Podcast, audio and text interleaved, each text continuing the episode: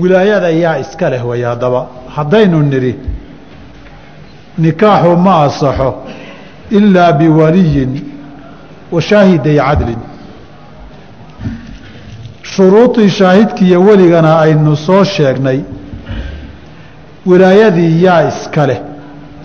Mas'aladan waxay yidhaahdeen fuqahadu raxmat ullaahi calayhim wilaayada saddex mid baa lagu mutaa imaa inuu qofku ku muto binnasabi waalqaraabati xigto iyo qaraabtinimo oo qeybta ugu xooga badan ah wa imaa inuu ku muto qofku bilwilaaya bilwalaa'i inuu ku muto qof qofkan xereeyey uu yahay wa imaa inuu ku muto bilwilaayati mas'uuliyad iyo madaxtinimo guudo ummadda uu hayo inuu ku mutay saddexdaa waxaa dheer imaa inuu ku mutay bimilki اlyamiini afartaasaa wilaayada lagu mutaa. Wixii intaa ka soo haray ee qof weli ku noqon karo waa qof intaa ku mutay inuu idan siiyo uu wakiisho ama uu mas'uul uga dhigo wey ama uu u dardaarmo qofkii wilaayada lahaa. Haddaba dadka qofka dadka ugu dhow sideedaba wilaayadani looma jidaynin in dumarka lagu cadaadiyo looma jidaynin. Mana loogu talagelin inuu ninka wilaayada lihi gabadha uu wilaayadeeda haya ku amarku taagleeyo cidduu rabana diida cidduu rabana yeela looguma talagelin. Asalka waxaa loogu talagalay dadkan xigtadeeda ah waa dadkii xumaatadeeda ka dhiidhihi lahaa weeye ee ka dhibsan lahaa ciddii maanta waxu dhintee waxyeeshana. Laga yaabo dhiig inuu ku kala daadan lahaa. Taniyo maalinkay dhalata iyo xilliga ay guursanaysana xoolana ku bixiyey. Sharafteedana inay dhiig ku difaacaan diyaarka u ahaa. Berri ninkan ay isguursadeen hadday iswaayaanna waa aqalkii iyo reerkay dib ugu soo noqon lahayd. Waxay mudan yihiin inay la fiiriyaan meesha ay gelayso. Waxaa dhici karta in musuq maasuq iyo khiyaamo ku jirto. Qofkan inaanu mas'uuliyaddeeda qaadi karin rabitaanka iyo doonitaanka naftuna marar badan wixii danta ahaabuu gara mariyaa oo seejiyaa. Carabna xorey ku mahmaahi jirtay xubuka shaya yucmi wa yusim. Wax markaad jeclaato wuu ku indhiya dhegatiraa oo jacaylku. Dhegihii waxa fiican run dhabtaa maqli jiree danta ana way ka xirmaan. Indhihii aada waxa runtaa ku arki jirtayna way ka xirmaan. Ninkan waxaa laga yaabaa inuu ardaal xarig lama sitaan yahay laakiin iyadu aanay ogeyn. Dumar dumar baa baadha. Ragna rag baa dabagala. Oo ninku qof dumara markuu raba inay fiican tahay inuu ogaado boqol raga haddaad u dirta ilaa dumar loo diro wax badan oo xoga lama soo helo. Hadday gabadhu ninkiina iska ogaata rabtana raggu rag baa dabageli karee in laga soo xuraamoo la ogaada ninkan sidiisaba diin ahaan gabadhan xilkeeda ma xambaari karaa dhaqan iyo dabeecad ahaan gabadhan xilkeeda ma lagu aamini karaa ilaa waa beerkii iyo dhiiggii reerkan ay ka dhalatay saa darteed markii gabdhaha la isa waagii hore waxaa la dhihi jiray reerka gabadha la siiyey gabadha dhaqankeedaan idin siinood leedihiine dhiiggeeda ma lihidin macnaa inaad dishaan ood laf jabisaan ood waxyeeshaan arrintaas xuquuqda aada leedihiinen gabadha idinku siinay maaha. Gabadha dhiiggeeda ma lihiine dhaqankeedaad leedihiin. Laakiin waxaan joogay galbeedkaa markii la tegey arrintii oo isbedeshay baan joogay reer gabadh la siinayo reer gabadh la weydiisanayo oo wiilku reerku ka dhasha ay leeyihiin wiilkii dhaqankiisaasi leedihiine reelabalow dhiiggiisa ma lihidiin hadduu idiin dhaqmi waaye booliska hanooga dhiibine nagu soo siba la leeyahay goobjoog baan ka haya waan arkay. Marka dhaqamadaa kala duwan.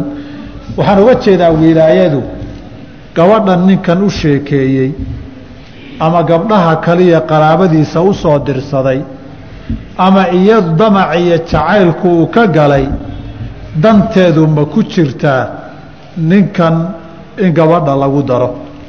Dhaqan soomaaligu waa wax diinta ka baxsan. Ninkan maxaa laga heli karaa iyo muxuu yarad bixin karaa iyo reerka muxuu dhaqaalo ku tari karaadu? Masale dhaqan aan islaamka ku salaysnayn oon ka turjumaynin wey asalka wilaayada saasaa loo jiray. Goortuu weligu xadkaa ka baxo sharcigu xal buu sameeyeyo isagoo taagan buu qaadigu guurinayaa. Awliyadana waa laga reebay. Gabadhoo nin xilkeeda qaadi kara uu joogo oo raba iyaduna rabto inay meermeeriyaan. Falaa tacduluuhunna an yankixna aswaajahunna idaa taraadow baynahum bilmacruuf hadda iyagu si wanaagsan isu rabaan ninkaas inay guursato waxba ha ka meermeerinina la yidhi awliyada sidaasa haddaba waxaa ugu xaq badan ciddii marka ay joogtay daryeelkeeda iyo danaynteeda iyo dhibkeeda inay ka dhiidhiyaan oy ka gubtaan ugu dhoweyd baa mudan wilaayadeediiyo cidda hadba la xiriiraysa ay nolosha la qaybsanaysa inay ka warqabaan. Arrinta sidaa ah haddana gabadha ilmuhu markuu dhasho dadka cidda koobaad ee xilkiisu saaran yahay dhidid badanna la soo maro dadkana ugu dhow aabbihii dhalay wey masaladu sidaa darteed baa masaladii dhaxalkay u noqotay. Saas darteed asalka qaraabada waxaynu leenahay laba jus-iyaad kala qaadi haddaba qaraabadii.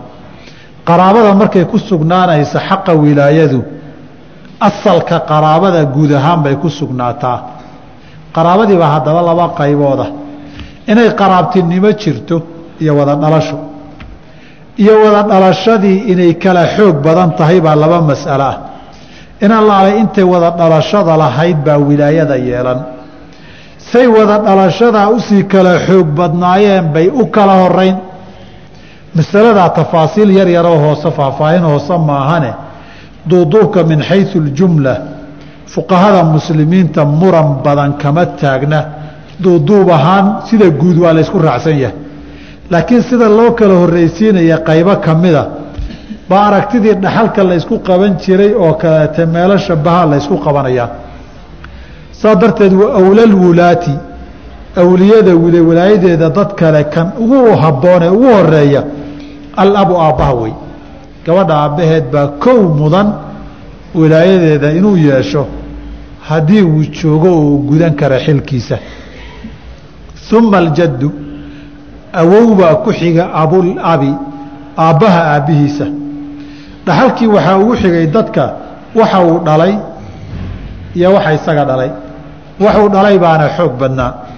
Fuqahada shaaficiyadu qoftan dumarkiihi wixii ay dhashay ee wiilal ahaa walaayada waxba kuma laha. Maxaa loogu diiday? Waxay yidhaahdeen laba sababood labadaba. Kow weeye ilmuhu hooyadii guurkeeda in laga soo doono waxoogay istixyaa buu samaynoo masaladii xishood iyo yaxyax badan bay ku beeri. Taasina waxay keeni inaanu si fiican uga baaraandeginoo si fiican uusan u fiirinin. Mid labaadoo ka sii culusna waxay yidhahdeen way jirtaa. Hadduusan ninku nin fiican ahayn weligu maya inuu yidhahdaa loogu talagalay. Ilmihii wiilkay hooyadu dhashay maya hadduu dhaho hooyada warkeeda inuu yeelo amarkeeda qaatana waxaan macsiyahayn laga rabay masaladaa cuquuq iyo caasinimay bilaabi oy beeri bay yidhaahdeen.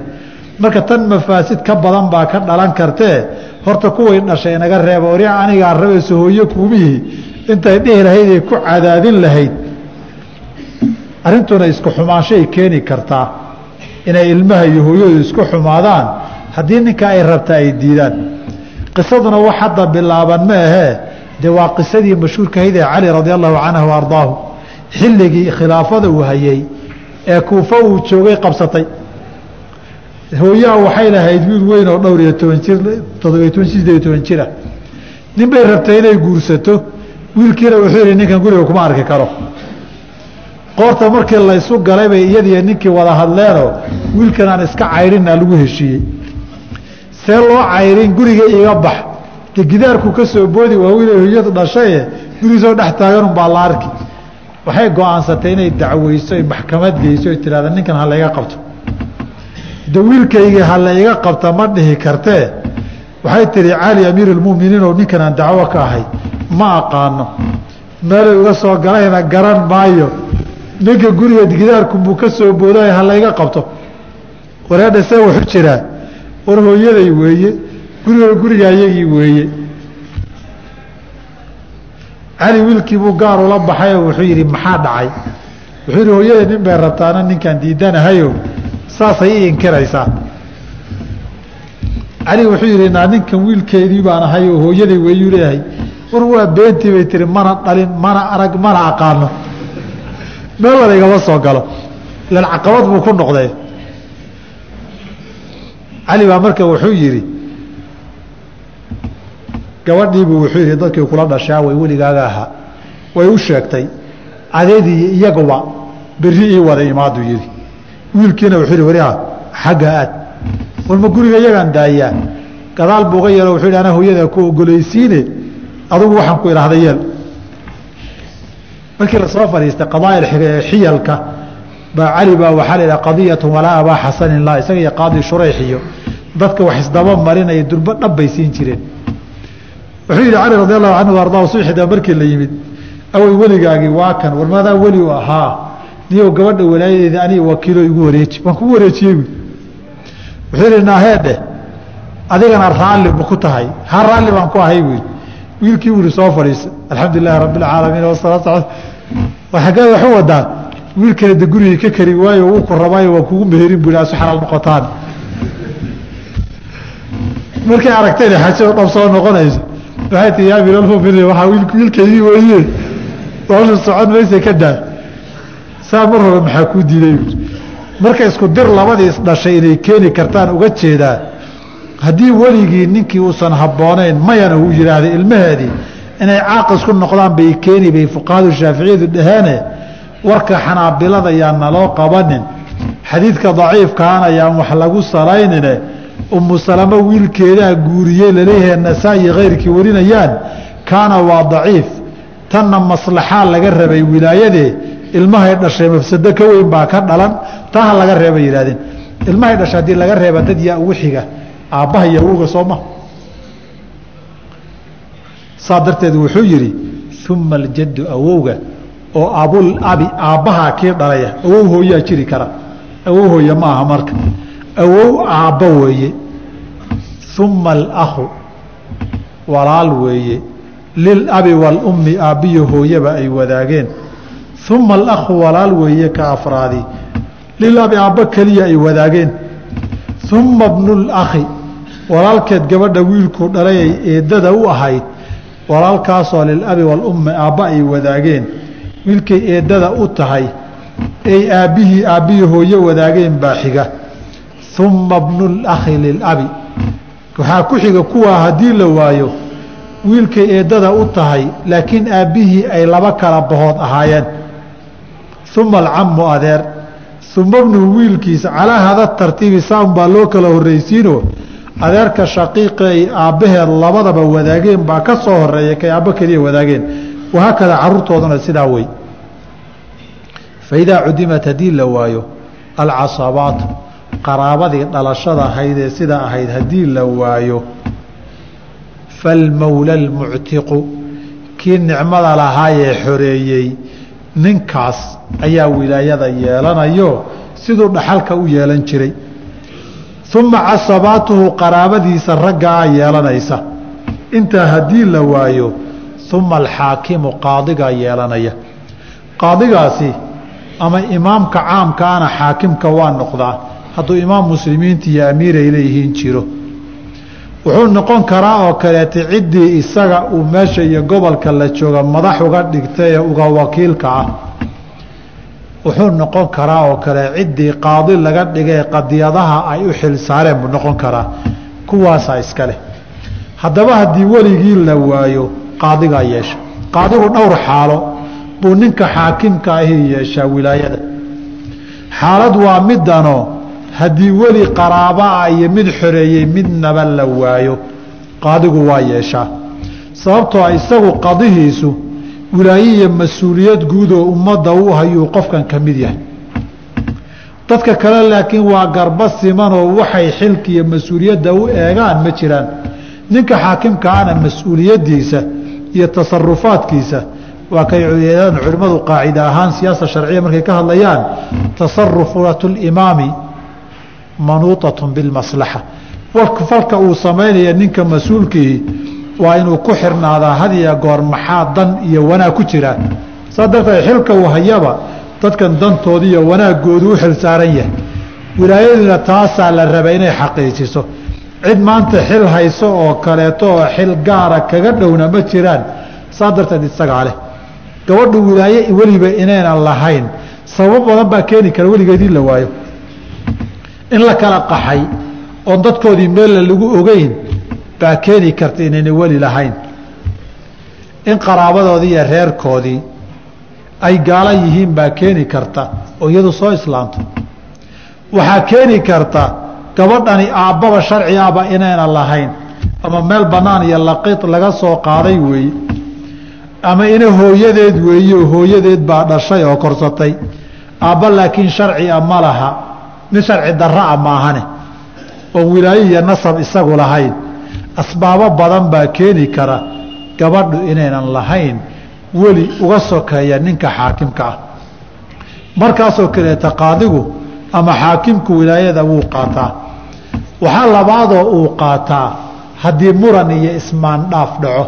Walidaalika xadiidku wuxuu ahaa fain ishtajaruu fasulطaanu waliyu man laa waliya lah hadday murmaan oo isqabsadaan oo qofkii kufka u ahaayee xilkeeda qaadi karay weligeedii oo taagan uu si iyo dano kale ugu diido. Oo dana iyo asbaabaan sharciga waafaqsanayn uu ugu diidana isagoo joogaa la buu qaadigu meherin karaa. Oo xadiidkaa fasulطaanu waliyu man laa waliya lahu weeye hadday isqabsadaan oo isxagxagtaan kadib qaadigu wuxuu fiirinayaa dacwadda marka la geeyo sababkani sharci ma yahay mise ma aha. Haddii usan sharci ahayn wuxuu leeyahay xaquma lihidee gabadha guuri. Hadduu yidhaahda aniga yeeli maayo iyaduna ay guurka rabto qaadigaa meherin meherkaana wuu asixi oo guurkaa wuu asixi. Taa waataan kulahaa kuma amarku taaglayn karo. Haddaba kaasi waa xaakimkii ama qaadigii nimaan weligiina ahayn xaakim iyo qaadina aan ahayn oo suuq madow laga kaxeeyey meella madhabka kama soo galo. Meel uu ka soo galaba ma laha. Masalada muxakamka la yidhahdo waxay ka hadlaan fuqahadu haddaan meesha qaadiba jirin maxaa la samayn? Runtii masalada masale fuqahada mutaakhiriinta gaar ahaan masaladaa waxay bilaabatay xilligii burburka muslimiintae ay meelaha qaarkood soo martay inaan qaadi iyo xaakim lahayn bay bilaabatay. Intii hore muslimiintu maamul iyo dowlad dhisan oo qaadi iyo xaakim lay ahaayeen.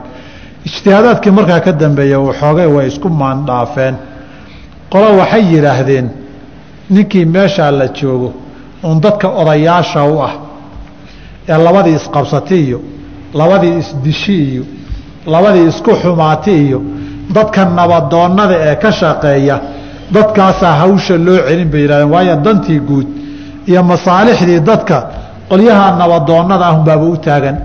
Wilaayadana masaalixdii in laga shaqeeye ahayd qoladaa ha loo daayo. Fuqahada mutaakhiriinta qaarkood fataawo bixiyeen.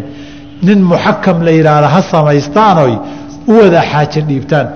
Laakiin qadiyatu lmuxakam ma lagu dabaqi karaa bimuqtada nusuusi baabu wilaayati nikaaxi asaxiixu laa laguma dabaqi karo.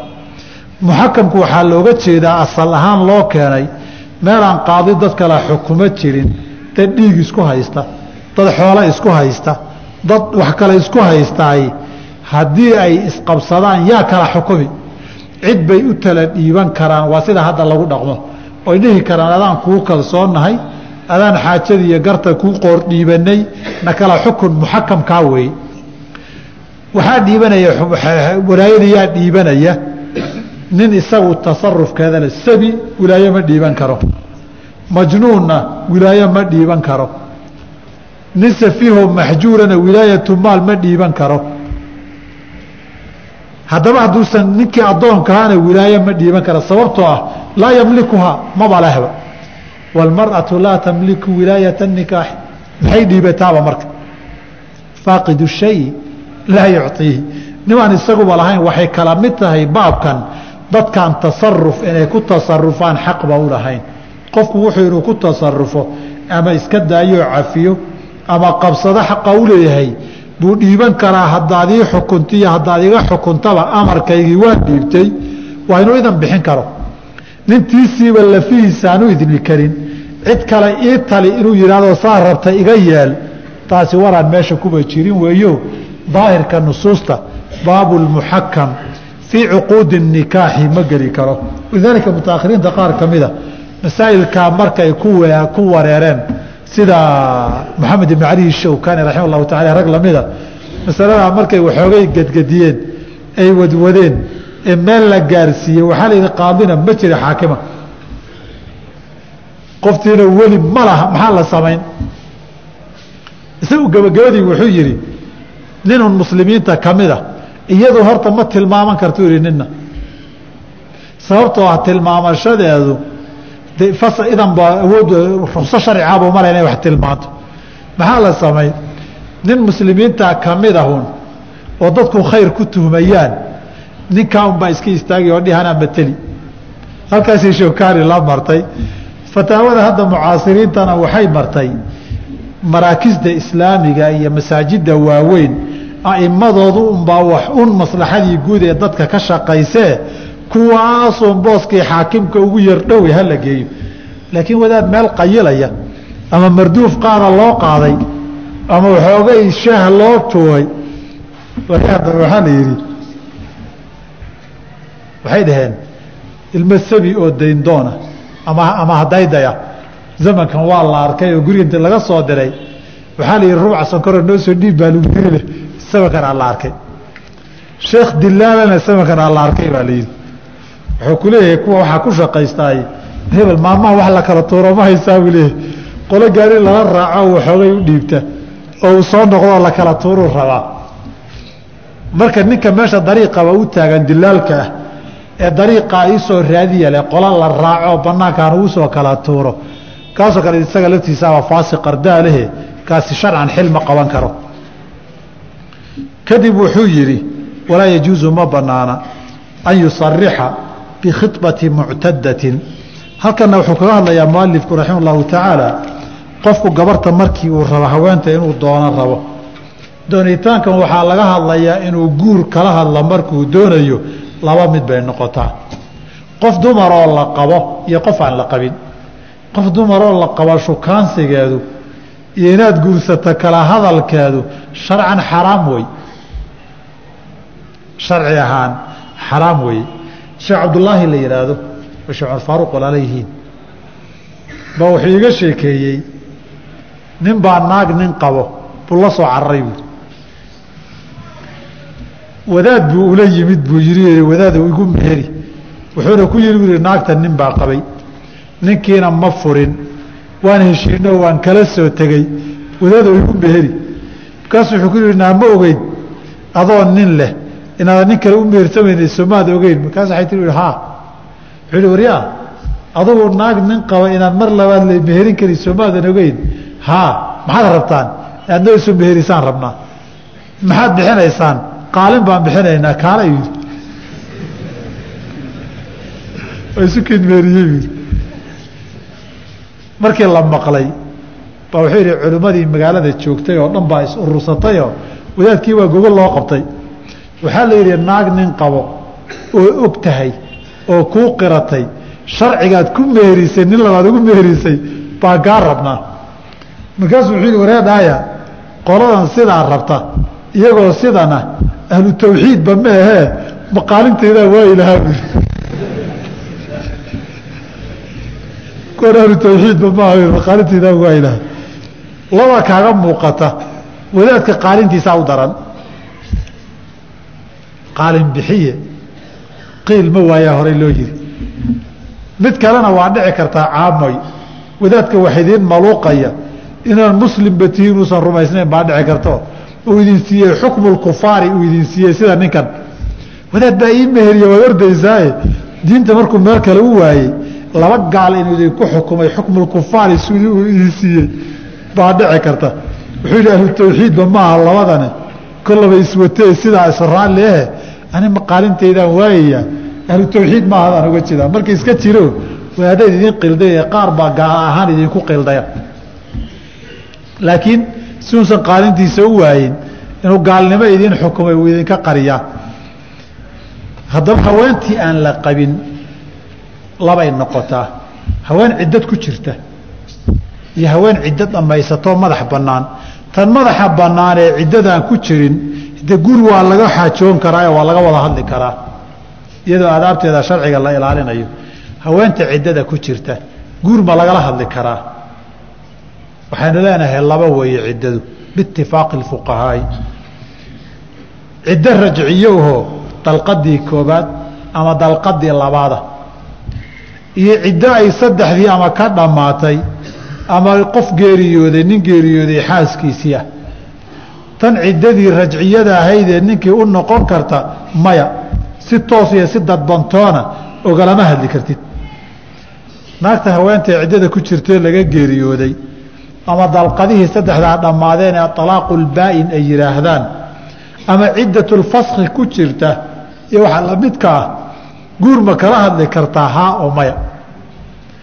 Ereyga ma caddayn kartid laakiin waad aga marmari kartaa iyo sarbeeb baad samayn kartaa walaa yajuusu ma banaana an yusarixa inuu caddeeyo oo qeexo oo qayaxo bikhibati muctadatin haween ciddo tirsanaysa doonitaankeedii iyo rabitaan guur inuu u caddeeyo anaa ku rabay inaan ku guursadaan rabaa uu ku yidhaahdo ma banaana wayajuusu waxaase bannaan an yucarida lahaa inuu u sarbeebo. hadal ay ka garanayso in rabitaan iyo damac jiro inaad tiraahdaa bannaan ereygaasi qaybna nasan iyadoo marfuucay alfaadda qaarkood soo aroortay. Oo faatima binti qays radi allahu canha wa markii ay ku jirtay ciddada nabigu waa ki yihi calayh salaatu wasalaam dee naftaada taladeeda hana dhaafinin buu ku yihi saas darteed heblay dee haddii waktiga la gaaro aan kala war qabno waa dhihi karaa. Wuxuu kaloo dhihi karaa dad badan baa ku sugaya safkuna waa dheer yahay. In badanoo ku rabtaa jirta. Ogow hadda waktigu unbaa la sugayaayo waa lagu irda wareegayaa erayo sidaasoo kaleeto oo dadban waa dhihi karaa.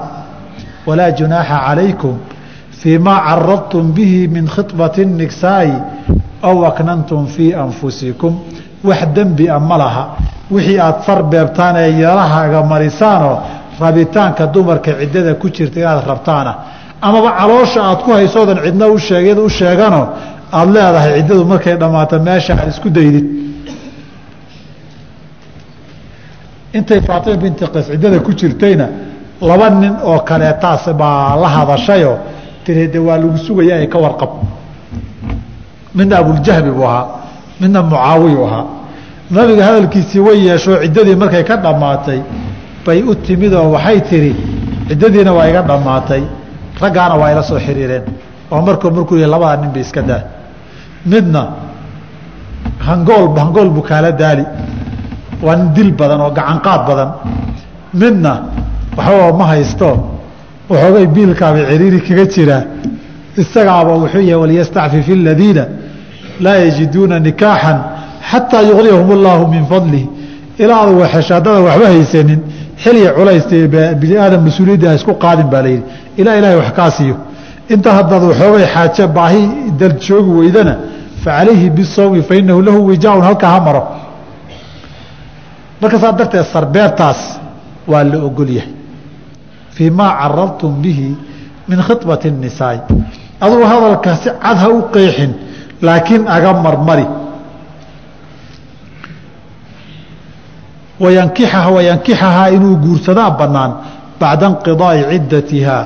Ciddadeedu markay dhammaatay kadib inuu guursada waa u bannaan tahay. Si dadbanna ula sii hadlo inta ay ciddada ku jirto oo waxoogay hadalka u sii agamarmariyo wanisaau haweenku. Haye halkaasaan ku daynaynaa. Wallahu aclam. Horta in allahu tacaala intaanaan su'aalaha gelin muxaadaradii habeenkii hore baaqatay. Habeen dambe jumcada aan ka hadli doonaa. Waxyaabaha marketinka ama suuqa dadka la keenayaa ama multilayaga ay yidhaahdaan multilayer marketinka ama network marketinka ay yidhaahdaan habeen dambe aan ka hadli doonaa insha allahu tacaala. Sidii sheekh shariif idiin sheegayna dacashiradu saddexda qaarkood waxay ku fiicnaan lahaayeen qofkii lahaa inuu faahfaahin ka bixiyo oo la arko. Ninka su'aasha bankiga i weydiinaya lacag laba boqol iyo konton kun loo dhiibay. Bankiguna waa islaami uu leeyahay.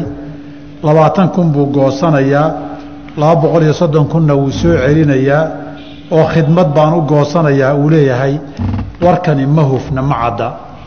Qofka ha ii yimaado oo say tahay si fiican ha igu sheego. Anugu lacag intii banki la iska dhigay tiro go-an baa khidmad la isaga qaatee la leeyahay iyo bangiyo islaamiga saa samayn suuradaas ma fahmin oo ma aqaan. Qofka yidhi aabbihii dhintay gurigana ka tegey laba wiiloon isku hooyo ahaydna uu ka tegey qofkaa warkiisu iyo iyo eedadii baa joogta oo aabbihii la dhalatay horta eedadu dhaxalka waxba kuma laha. Waa qaraabo gudwey labada wiilna way isla ekaysanayaan. Waxaa intaa soo haray dad kale hadduunan jirin labadoodii hooye ma nool yihiin. Hadday nool yihiin ama qaarkood nool yahay markuu duqu dhimanayey aabbihii dhimanayey xarig guurma isu hayey haddaanu isu haynin isuma haynin laakiin hadday labadaba xaasaskiisii ahaayeen ama midkood xaaskiisii ahayd umun bay qaadan. Umunu mimaa taraktum. Umunka ama hal mid baa qaadan. Laba hadday noqdaanna way qaybsan. Wixii soo haray haddaan dad kale maanu sheegina dhaxal jirin labada wiil baa nus iyo nus u kala qaadan. Intaa wax ka duwan hadduu jiro isagana hayla soo xiriiro haygu yimaado waxaa canshuurta la yidhahdaa dhammaan ma xaaraambaa mise qaar xalaala jira. Canshuurtu hadda magacyada badanay yeelatay waxyaabo badan baa inta aan ogahay aan garanaya la isku xambaaraa waxyaabaha inta badan la isku xambaaro baa waxay isugu jiri karaan wax xalaal iyo wax xaraama xoolaha tekada laga soo dejiyey ama garoonka diyaaradaha laga soo dejiyey qalab baa qaada. Shaqo loo qabanayaa jirta meeshii waa la sameeyey tekadan oo kharash baa ku baxaya dayactirkeeda. Sharcan waxaa bannaan qof kastoo wax ka soo dejiya ijaar in laga qaadaa bannaan. Ijaarkii haddii lagu daray wax taxation iyo canshuur loo yaqaano lagu daro xaraan wada noqon mayso. Laakiin wixii ijaaraadka lagu lahaa haddii gaar looga qaado waxa kale dulsaartee laga qaadayo xadiidkii imaam muslim wariyey baa wuxuu ahaa in gabadh uu ku yidhi laqad taabat towbatan low taabahaa saaxibu maksin la qubilat toobadu waxay toobad keentay qof kaloo dembi kala galay iskaba daaye xataa canshuur qaada hadduu toobad keena laga aqbali lahaa marka canshuur qaaduhu dadka baadaya ee yaanyada laga gadan laayahay inay dembi weyn iyo kabaa'ir tahay baa halkaa ka muuqda gabarh walaashay ayaa ninkeedii aabbihiis u ballan qaaday laba kun oo doolar uusan dirin. Ayuu dhintay wiilkii ballanqaadka ma lagu leeyahay. Wacdigi iyo ballanqaad inuu lacag bixiya ninkii ballan qaada ama gabar ama wiil ha noqdaan wuxuu u ballanqaadkii ilaa uu fuliyo oo gududiyo qadaa'an laguma xukumi karo. Laakiin diyaanatan waa laasim waxaad cahdi qaado. Inaad fuliso in laga bixiyaa fiicnaan lahayd. Ama qofkii loo ballanqaaday uu iska cafiyo. Salaan kadib waxaan ahay nin afar xaas leh. Waana ku dadaalaa inta badan in aan simo xaqooda. Waxayna ii kala degan yihiin afar xaafadood oo kala fogfog mid ayaa u dhow goobta aan ka shaqeeyo. Waxay iigu tiri maalin kasto aniga ayaa qadada kuu samaynayo aniga waan ka diiday oo xaquuq ayaan ka baqay. Ma laga cuni karaa? Masaladan way inoo soo socotaa alqasamu bayna azawjaati sida xaqa loogu qaybinayo waxba minhaaj lama hor ordee halkaasa noogu imanaya warka sug toban sano ayaa nin iqabay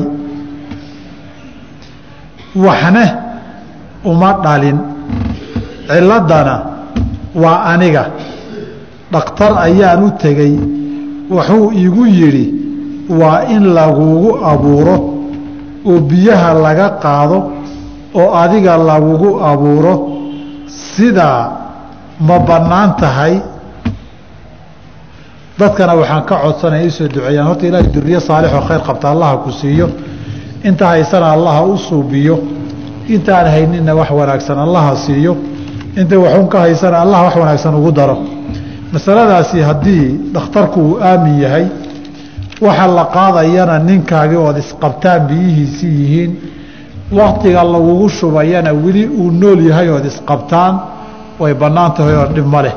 Waxaan tiflulanabiib iyo talqiixu sanaaci la yidhaahdo suwarka bannaan buu ka mid yahay. Laakiin xasuusnow shuruudu marka laga qaadayo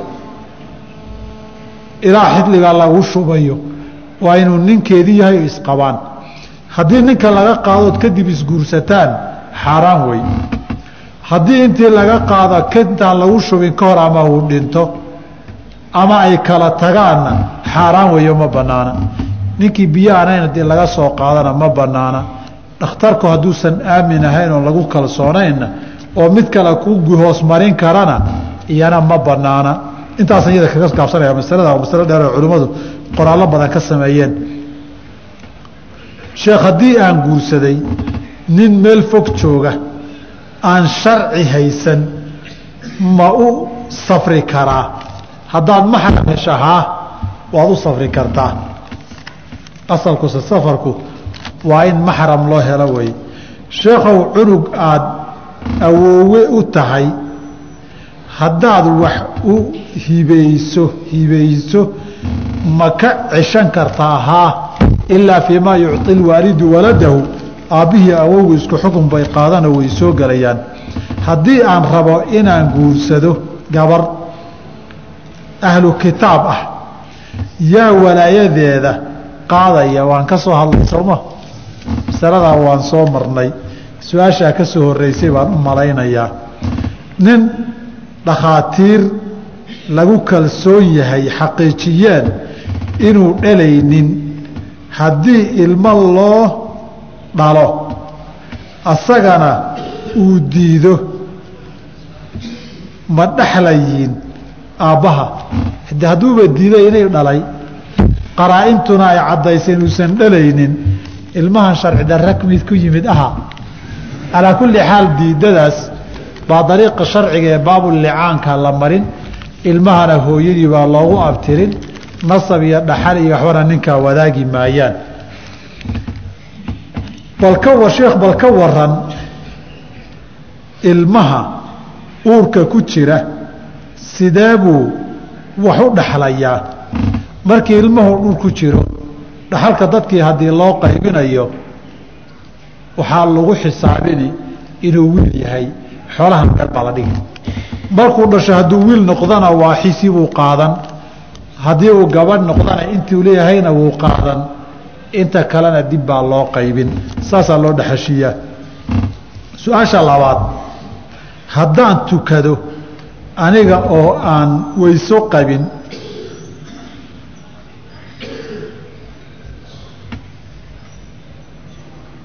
Salaada ma soo celinayaa haddaad waktigii oo joogo xasuusatayna waad soo celin. Waktigii haddii uu baxayna waxba soo celin laguguma laha. Qofku salaada si ahaanba hadday si uga qaldanto ay ka xumaatay. Inaad salaada waktigii dhexdiisa hadduu wax ka qaldanaa la soo celinna almusiib fii salaatihi baa asal ah salli fa inaka lam tusalli in layidhi salaaddii joogtay tii horena soo celi lama dhihin cumar oo aan tukanin isaga iyo camaar iyo camaaroo tayamumkii qaldayna salaadihii hore soo celiya cidima dhihin naag ayaa dhashay gabar gabadhiina waxaa guursaday gaal talyaani ah hooyadeed ayaa lahayd hanti. Waxayna ku wareejisay gabadheeda.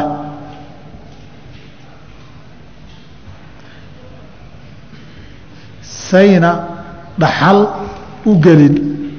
Gabadhuna waa gabadhuna waa madimiya waa madi. Keligeed bay ka tagtay. Masaladan hooyadii xoolihii wareejisay miy mina dhexashiyaad rabtaan maxaa laga rabaa? Sheekadii xog waran weeye. Dee xoolaha la qabsada waa idin kala xukumaya keena. Sheekhow maxay shareecadu ka qabtaa nin sheekh loo yaqaano? Kaye waa la ismaagay waa la soo galay.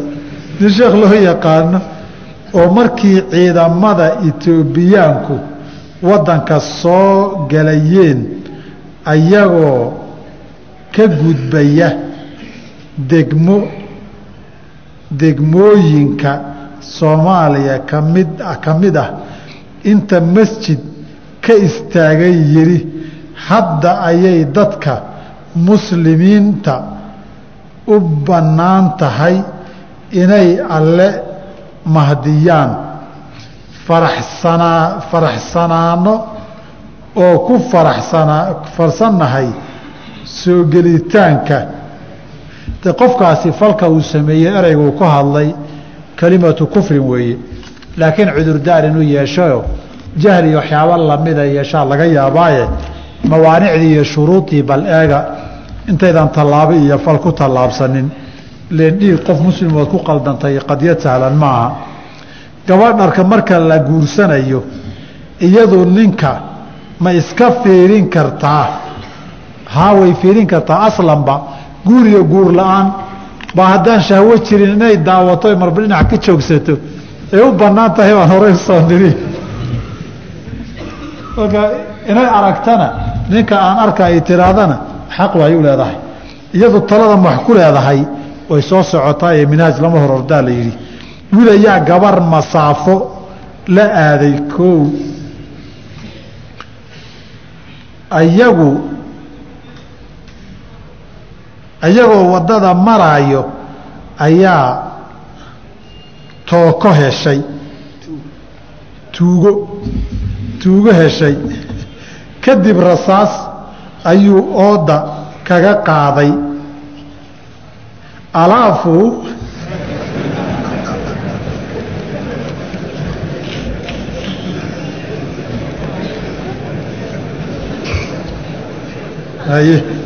Wuxuu yidhi kadib iska dheh. Way dhimatay gabadhii. Ciddii waxay dhaheen wiilka ayaa dilay. Ee hadnaloo qisaaso wiilkiina wuxuu dhahay ilaahay amarkiis ayay ku dhacday.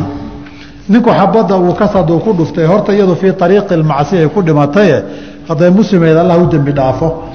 Isagu markuu xabadda hadduu iyada ula qastayna waa baabulqisaas hadduu nimanka iska celi lahaayo ku dhacday kama uga dhacdayna wamaa kaana limuminin an yaqtula muminan ilaa khaطaan waman qatala mumina khaطan fataxriiru raqabatin muminatin wadiyatun musallamatun ilaa ahlihi magti baa ninkaa lagu leeyahay qisaas laguma laha hadduusan ula qasin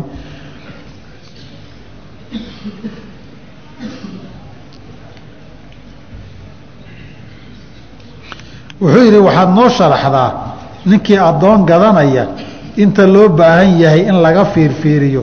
Wuu fiirfiirin karaa wax looga jeedo. Noo sharax maahaan u malaynayaae wax kalaa warkaa ka dambeeya waxaa weeye wixii asal ahaan xudunta iyo lowyaha inta udhaxaysa kama eegi karo kow.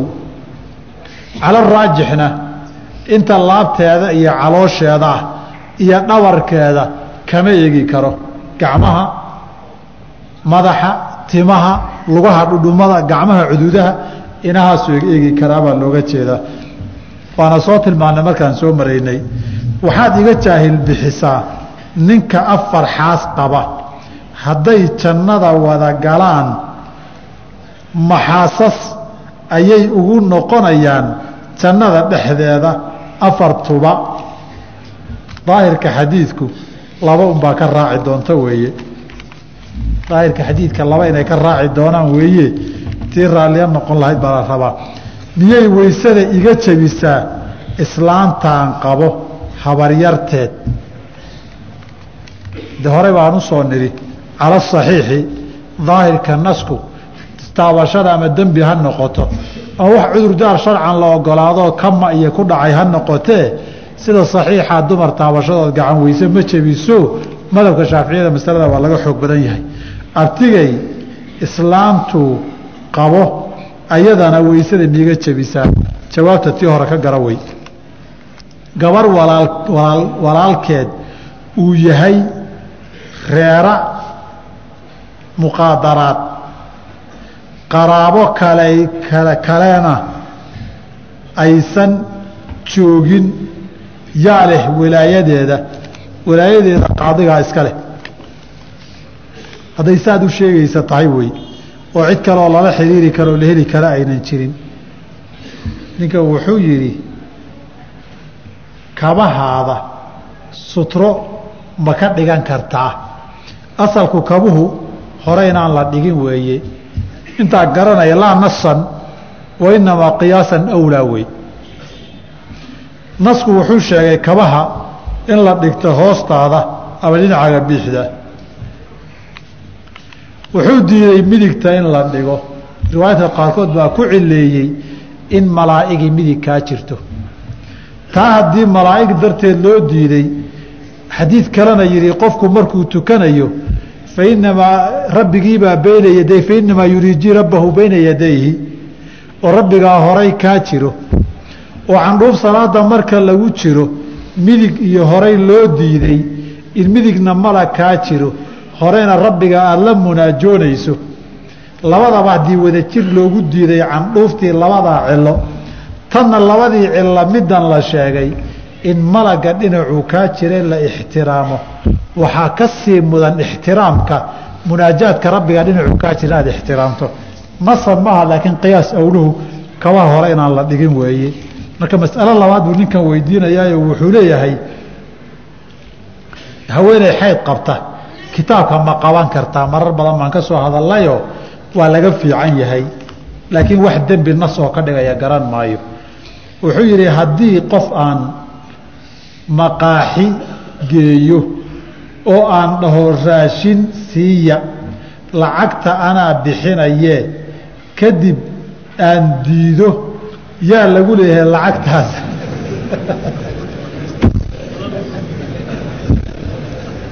Lacagta adaa lagugu leeyahay nimankanna adigaa u damaanad qaadee lacagtaa bixinteeda.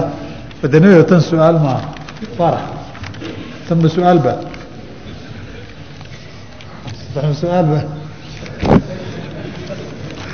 balida agga iga dhigan hadda wakti loo helo waa la arki doonaayo ninka kale su'aashu le ma bannaan tahay in la eego intaad intaad warka t v-ga akrinaysid ana dumar in la eega ma bannaan tahay miyaa muxuu yihi inanta warka t v-ga akrinaysa maya soo daawo aragtay egid egiddii soo maaha. Heesaha ma la dhegaysan karaa maalmaha ciidda ah. Heesuhu haddii ay tahay waxuun dhallinyari iyo qaadqaadayaan eray xunna uusan ku jirin insha allahu dhib ma laha. Laakiin heesaha aan naqaano ee hoballadu qaadaan ee qaabaqaab loo jiida muusikadiiyo kabankana la raacraaciye lala socodsiiyaay ciid iyo ciidla-aantoona dembi weeye mazaamiiru shayطaan weeye. Markay hoballo waaweyn adduunka la ciseeye bataanna dad iyagoo nool nool daanyari iyo doofaarro ilaahay u bedeli doonaa. Sida xadiidkii cimraan iyo caaishiya abi umaamo uu sheegay.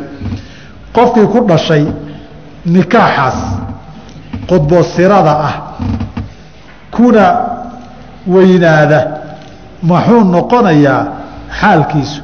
Haddii wanaagsanaada dee isagu ilaahay ka baqo qoomamio fiican buu noqonayaa soo intaa hadduu xumaadana isaga dembigiisaa loo raacan duqaydana dembigood iyagu u yaallaa haddaanay cudurdaar yeelanin. Haddii qof dhinto hal gabar oo gabadhiisu dhashay hal gabar keliya oo gabadhiisu dhashay ma dhexlaysaa bintulibni gabadhiisu dhashay maya.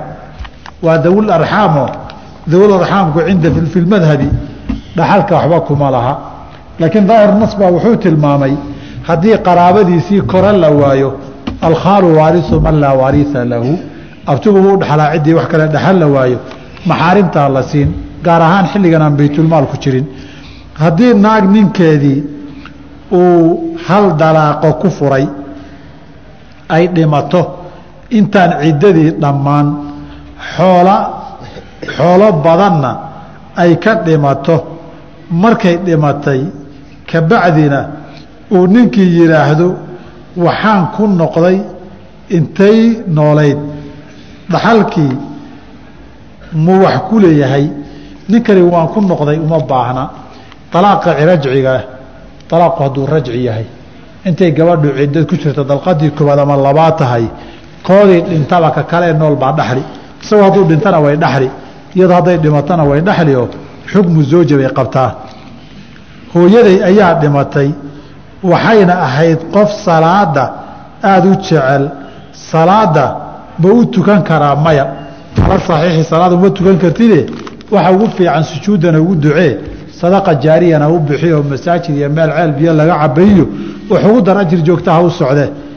Dumarka indha shareerka wadato qof ajaanib ah qof ajaanib agtiisa markay ku tukanayso indha shareerka ma qaadaysaa wejiga inay banaysaay waa qasab. Wejiga way iska qaadi waxayse samayn kartaa. Waxa la yidhahdaa sadliga iyo soo raaricin. Intay soo dayso goortay sujuudda agteeda joogta haddayna rabin in la arko intay saa marada iska tiraahdo inay wejiga dhulka saarto waa loo ogolyahay hadday ka baqayso khawf iyo cabsi jirana de way isaga tukan iyadoo keeda qabta baabu daruuraad baan gelina u qildayna haddaan shaaficiyanahay ka waran qofkii marsado daawo madoobayso salaada ma ka ansaxaysaa. Salaaduna way asixi wuxuu sameeyena dembi weeye. Xadiidka ibnu cabaas ee saxsaxay abu daawuud iyo keyrkii wariyeen baa wuxuu ahaa aakhiru zamaanka waxaa iman doona qowmun yakhdabuuna bisawaadi qolyo madoobaysa madaxa marsan doona iyo meelaha timaha ka xawaasili lxamaami madaxii cadaaba baashan qooleydaa luqunteeda madowgeedao kale ay u ekaan doonaan laa yuriixuuna raa'ixata aljannati. Jannada carafteeda dadkaa ma heli doonaan. Marka arrintaa iska ilaali. Haddii aan dhaho xawaaladaha mid ka mid ah lacagta iga sii dir ama aan dhaho kaarka ka qaado kaarka ka qaado may kaarka ka xoqo lacagtaada ribo miyay igu tahay lacagta xawaalada kaarka ka xoqada ma garanaya anige lacagta xawaalada hadday sarif geli doono xaaraan weeye haddaad laakiin dolar lagaa dile dolara geyn doonto walow shubha ku jirto waa wadaadaan dambe way ku yar qiildayayaano qiilday baa jira shubhabayana ka madhnaanine inayn shubho ka madhnaynna waxaad ka fiirisaa buxuuثun fi اliqtisaadi اlislaami ijtimaacu sarfi wاlxawaalati sheekh cabdallah bin manic markuu ka hadlayo ama ariba almucaamalaat اlmasrafiya markuu ka hadlayo sheekh cumar ilmatrak markuu ka hadlayo xawaalad iyo sarif isu yimid markay noqdaan weeye nin muslim ahaa wuxuu yihi sheekhow ma la dhaxlayaa nin muslim ahaa oo ridoobay xoolo badanna ka dhintay carruur iyo xaasasna ka tegey haa way dhaxlayaa dadkiisii baa dhaxlaya muslimiinta ahaa say saxaabada qaar xukumeen ayna yidhaahdeen alislaamu yacluu walaa yuclaa saasayna salafkii bad badanoo ka mida qabeen walaal waxaan ahay wiil aan weli guursanin. Waxaan rabaa inaan xajiyo laakiin waxa aan haysto ma u kala ma u kala go'ayaan. Xaj iyo guur haddii xooluhu xaj gaareen xajkuna waajib kugu noqday. Dee waajibka horumarintiisaa waajib kugu ah. Hadduusan xajan kugu waajibin adigana dee iska guurso. Ilmo bilaa aabbaha ma dhexlayaa kii dhalay waxaan u malaynaya aabba sharciga hadduusan ahayn oo ilmo xaaraana uu yahay maba dhexlaya hooyadii uu ku abtirsana aabbaba umaaha kaasi. Maxaa ka dhexeeya waxba iskama gelin. Wakti waa dhammaaday intan maan dhammayn. Haddaan wakti helo kuwana maan fiirin kuwa allah u naxariisto shiikh gabadha muslimadda ah ma tegi kartaa meelaha dumarka lagu qurxiyo oo ay dumarka gaalada leeyihiin. Waxaana rabaa inaad noo ducaysid qof ayaa naga xanuunsan qofkaa idinka xanuunsanaya muslimiinta intii dhibanba dhibka iyo xanuunka allaha ka qaado intii dhibanna dhibka allaha ka qaado inta caafimaadsanna caafimaad khayr qaba allah uga dhigo. Xanuunkii dadkaa marayna ilaahi subxaanahu wa tacaala ajir iyo hawaab ha ka siiyo. Waxay ku xihan tahay masalada masalaan xalay soo marnay. Qofta gaashii markay dumarka muslimadda eegeyso ma sidii nin ajnebi ay ka tahay mise sidii dumarka muslimiinta ay ka tahay waxaynu soo rajaxnay sida dumarka muslimiinta inay calo saxiixi ka tahay. Saas darteed madaxeeda way arki kartaa inay taabatana dembi ma aha. Hadda timaha ay u qurxiso wax kala hadduusan ka dhacaynin. Intaa tii muslimadda iyo kaafiradii halkaa isaga mid weeye wax kale haddaan laga baqayn. Shiikhuu ka waran haddii nin taajir ah guryihiisa mid ka mid ah uu siiyo xaasaskiisa midood isaga oo caafimaad qaba. Xaasaska iyo carruurta kale ee uu dhalayna ay raalli ka yihiin. Maxaa loo ictibaarinayaa ma la aqbalayaa haa hadday kuwii kalean raalli ka yihiin tii warafadaba soo lama dhihin. Kuwa kale hadday ogolaadaan waa loo ogolaan taasi dhib ma lahan. Hadduuna caafimaad qabay intii xuquuqda kula lahayd ee la sinayna raalli ka yihiin war kalaa iman lahaa haddaan laysla ogolayna waalidkay haddii uu dhinto wax la cuno ma u sadaqayn karaa oo wakti ku qasisan qasisnayn sida labayo toban bil masalada wax la cuno muu sadaqayn karaa haa oo maya. Haa oo maya markaan leeyahay haddaad masaakiin wax siiso oo amaad makhaayad geyso ama raashin aad karisay aada siiso ood niyooti ilaahay aabbaha iyo waalidka inuu ajir ka siiya way bannaan tahay laakiin cuntada hadday tahay xoolaa la qali oo dadkaa la isugu yeeri oo xusbaa xoogay loo samayn hal marba ha noqotee xabaalqodii waxa dooni ku magacow ama agas dhe qaarkood sida ay yidhaahdaane haddii xoolo la qalayo oo waxoogay isagii laga dabageynaya hal gool iyo hal kurus weyn laga dabageynayo tahay laa caqra fi lislaami xadiidka abu daawuud uu warinaya saxiixa qof xoolo loo qalay oo laga dabageeye ma banaana. Hadba qaabkaad u samayso baa wax badan ka bedeli. Waayo soomaalidu dhaqan baan leenahay. Haddii nin gabadhiisa igu dhaho waanku siiyey oon dhaho waan kaa aqbalay saas ma ku qabaa? Ayadoon markhaati jirin. Tan meher ma aha. Qofka ereygiisu waxaa weeye curfi marka uu jiriyo dhaqan ereyga curfiga iyo dhaqanka sida uu dhigan yahay baa lagu xukumaa qofkii yidhina sidaa curfi iyo dhaqan ereygaa loo isticmaalo un weeye. Qofkii lagu yidhina macnaha lagu yidhi sida isaga uu jecel yahay raba ma aha waa sidii curfi iyo dhaqan ereyguu keenayo. Soomaali haddaan nahay gabadha waanku siiye waan ku meheriyey ma aha. Carabta carabiga iyo sharcanna waxaa jira khidba iyo nikaax baa jira doonitaan gabar la doonay oy reerkoodii ogolaadeen iyo nikaax iyo meherku waa kala laba. Mar gabadhii waanku siiyey iyo waan aqbalaydu in gabadhii lagu siiyey weeye oo lagu ogolaaday inaad guursatood kala xidhiidda reerkee gabadha laguma meherinin meherna ma dhicin. Curfigeennuna intaan aqaana ma aha gabadha isii waanku siiye wax laysuguma meheriyo. Saas darteed ereygan waanku siiyey iyo iijaab iyo qabuul baa dhacaydii fiqigahayd ma ku dabaqi kartid asalku. Xaqiiqa lugawiya iyo xaqiiqa curfiya xaqiiqa sharciya markay ka hadlayaan qadiyadan qadiyada xaqiiqa alcurfiyay geli. Ereyga curfiga iyo dhaqanka dadku markay ereyga isweydaaranayaanna wixii dhaqan iyo isticmaal ahaan looga jeedo buu sharcan xukunkiisa qaadanayaa ma aqaana waad inoo sheegaysaan. Haddii dhaqanka soomaalida an intaan aqaano ma aragay kaga jirto. Nio gabadhiinina siiya iyo waan idin siinay iyo waan ku siiyey gabadhii. Baa meher looga jeedaa iyo caqdigii nikaaxa looga jeedaa. Yaa ku garanaya dhaqankeenna. Saas darteed baa marka la wada joogo gabadhiina siiya waa idin siinay. Meherkiina noogu dara waa idinku daray weli loogama jeeda inay mehersatay hataa meherkeeda ku daraydaas markaasaa waxaa la leeyahay wadaadkii iyo wiilkii gabadha guursanayay isku soo dhowaada ama gacanta keen. Way naga xumaatay waayahan dambe. Waagii hore nimankii moogtay guurkiiba hadda markii la fududeeyey. Baabiil iyo wax laga heli jirayna waa ku yar fakaday. Guurkiina waa iska sahlanaaday waagii hore. Intii gacanta gacanta loo geliyo? Oo jilbaha ku fadhiisan la yidhaahdo oo indhaha isku qaba la yidhaahdo oo carabi adag iga daba akri la yidhaahdo. Buu dhidido baa wixii laga rabo oo bislaan jira inuu bixiyo sooma hadda anaguna iska fududay culayska saan u lahayn.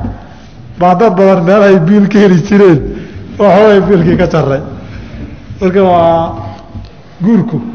Laakiin waagii nabiga calayh salaam nabiga lalama soo doonan jirin gabadhaydii ninkan u meheri lama dhihi jirin kaalay gabadh baan wataa ii meheri nabiga lama dhihi jirin. Alai slam isagoo jooga.